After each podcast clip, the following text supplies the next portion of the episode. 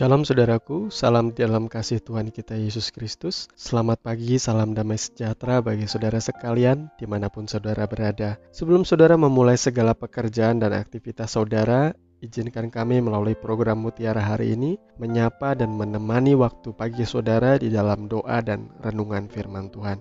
Saudaraku yang dikasihi Tuhan, renungan firman kita di kesempatan pagi hari ini akan mengangkat tema berbalik dari jalan-jalannya yang jahat. Dan nas firman Tuhan terambil dari dua Tawarik pasalnya yang ketujuh ayatnya yang ke-14 Demikian firman Tuhan, dan umatku yang atasnya namaku disebut, merendahkan diri, berdoa, dan mencari wajahku, lalu berbalik dari jalan-jalannya yang jahat, maka aku akan mendengar dari sorga dan mengampuni dosa mereka, serta memulihkan negeri mereka. Amin. Saudaraku yang dikasih Tuhan, kita tidak perlu meragukan betapa dalam, betapa luas, dan betapa tingginya kasih Tuhan di dalam kehidupan kita. Sungguh tidak terukur dan sungguh tidak terhingga. Tapi ada satu hal yang bisa membuat kita terpisah dari kasih Tuhan, yaitu keengganan kita untuk bertobat dan meninggalkan jalan-jalan kita yang jahat. Saya melihat bagaimana sejarah tercatat di dalam kitab suci kita terutama di dalam kitab Yosua yang berlanjut kepada kisah di dalam kitab Hakim-Hakim sampai kisah di dalam kitab Raja-Raja, semuanya hampir selalu sama, menceritakan ketidaksetiaan bangsa Israel ketika mereka berbalik daripada Tuhan dan mulai ikut menyembah dewa ilah-ilah asing yang disembah oleh orang-orang yang ada di tanah Kanaan.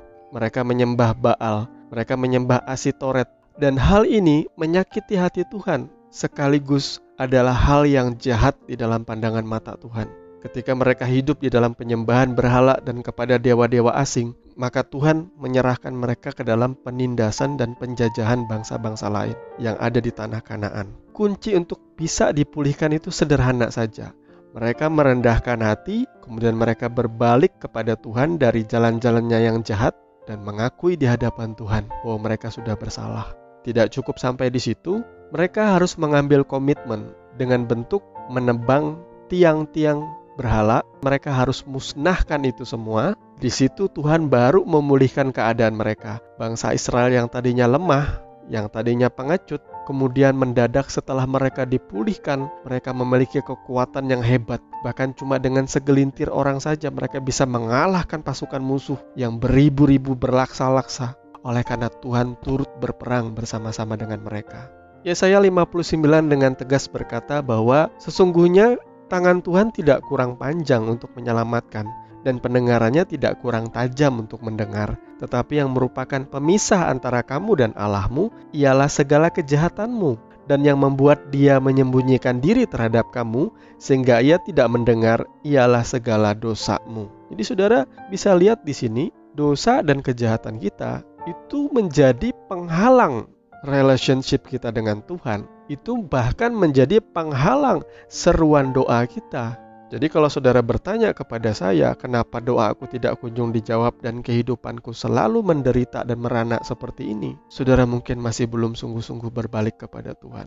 Yang Tuhan kehendaki berbalik kepada Tuhan itu tidak hanya sekedar mulai rajin beribadah ke gereja atau cuma rajin membaca Alkitab dan berdoa, tetapi saudara betul-betul meninggalkan jalan-jalan hidup saudara yang jahat. Bentuknya adalah tindakan seperti menebang tiang berhala. Tinggalkan kejahatan itu, jangan hidup di dalam kejahatan yang mengecewakan, yang menyakiti hati Tuhan. Dan saudara harus serius menerima Yesus sebagai Tuhan dan Juru Selamat di dalam kehidupan saudara. Maka ia akan mengutus roh kudus diam di dalam hidup saudara. Roh Kudus ini adalah pribadi yang menginsapkan saudara akan dosa. Sebagaimana firman Tuhan di dalam Yohanes 16 ayat yang ke-8 berkata, "Dan kalau ia datang, ia akan menginsafkan dunia akan dosa, kebenaran dan penghakiman." Jadi Roh Kudus akan membuat saudara diinsafkan setiap hari. Kalau saudara berbuat salah, Roh Kudus akan mengingatkan saudara akan kesalahan saudara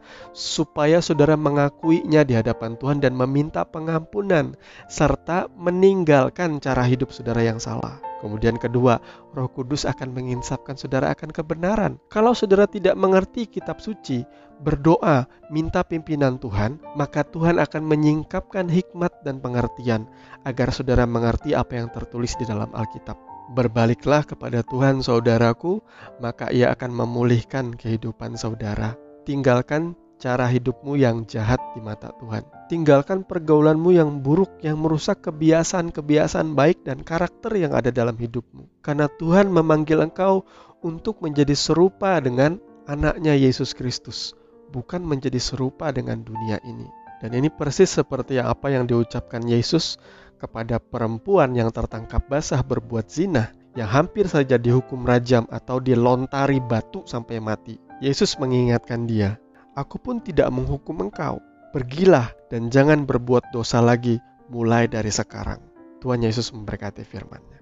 Mari kita berdoa. Bapa Sorgawi di dalam nama Tuhan Yesus Kristus kami mengucap syukur kepadamu Tuhan atas bimbingan kuasa roh kudus yang mengajar dan memimpin kami sehingga kami boleh memahami bahwa kami harus berbalik dari jalan-jalan kami yang jahat dan sungguh-sungguh bertobat di hadapan Tuhan, meninggalkan kehidupan kami yang lama yang bergelimangan dosa. Kami percaya Tuhan pasti memampukan kami untuk menghidupi kebenaran firman itu hari demi hari. Terima kasih ya Tuhan, kami serahkan segala doa dan kerinduan kami hanya di dalam tangan-Mu dengan penuh ucapan syukur. Di dalam nama Tuhan Yesus Kristus kami berdoa. Haleluya. Amin. Puji Tuhan, Bapak Ibu Saudara yang dikasih Tuhan, saya bersuka cita atas semangat Bapak Ibu Saudara untuk terus bertekun di dalam pembacaan dan perenungan firman Tuhan. Selamat pagi saudaraku, selamat mengerjakan tugas dan tanggung jawab di sepanjang hari ini. Sampai jumpa lagi di program Mutiara hari ini yang selanjutnya. Kasih karunia Tuhan Yesus Kristus menyertai saudara sekalian. Shalom.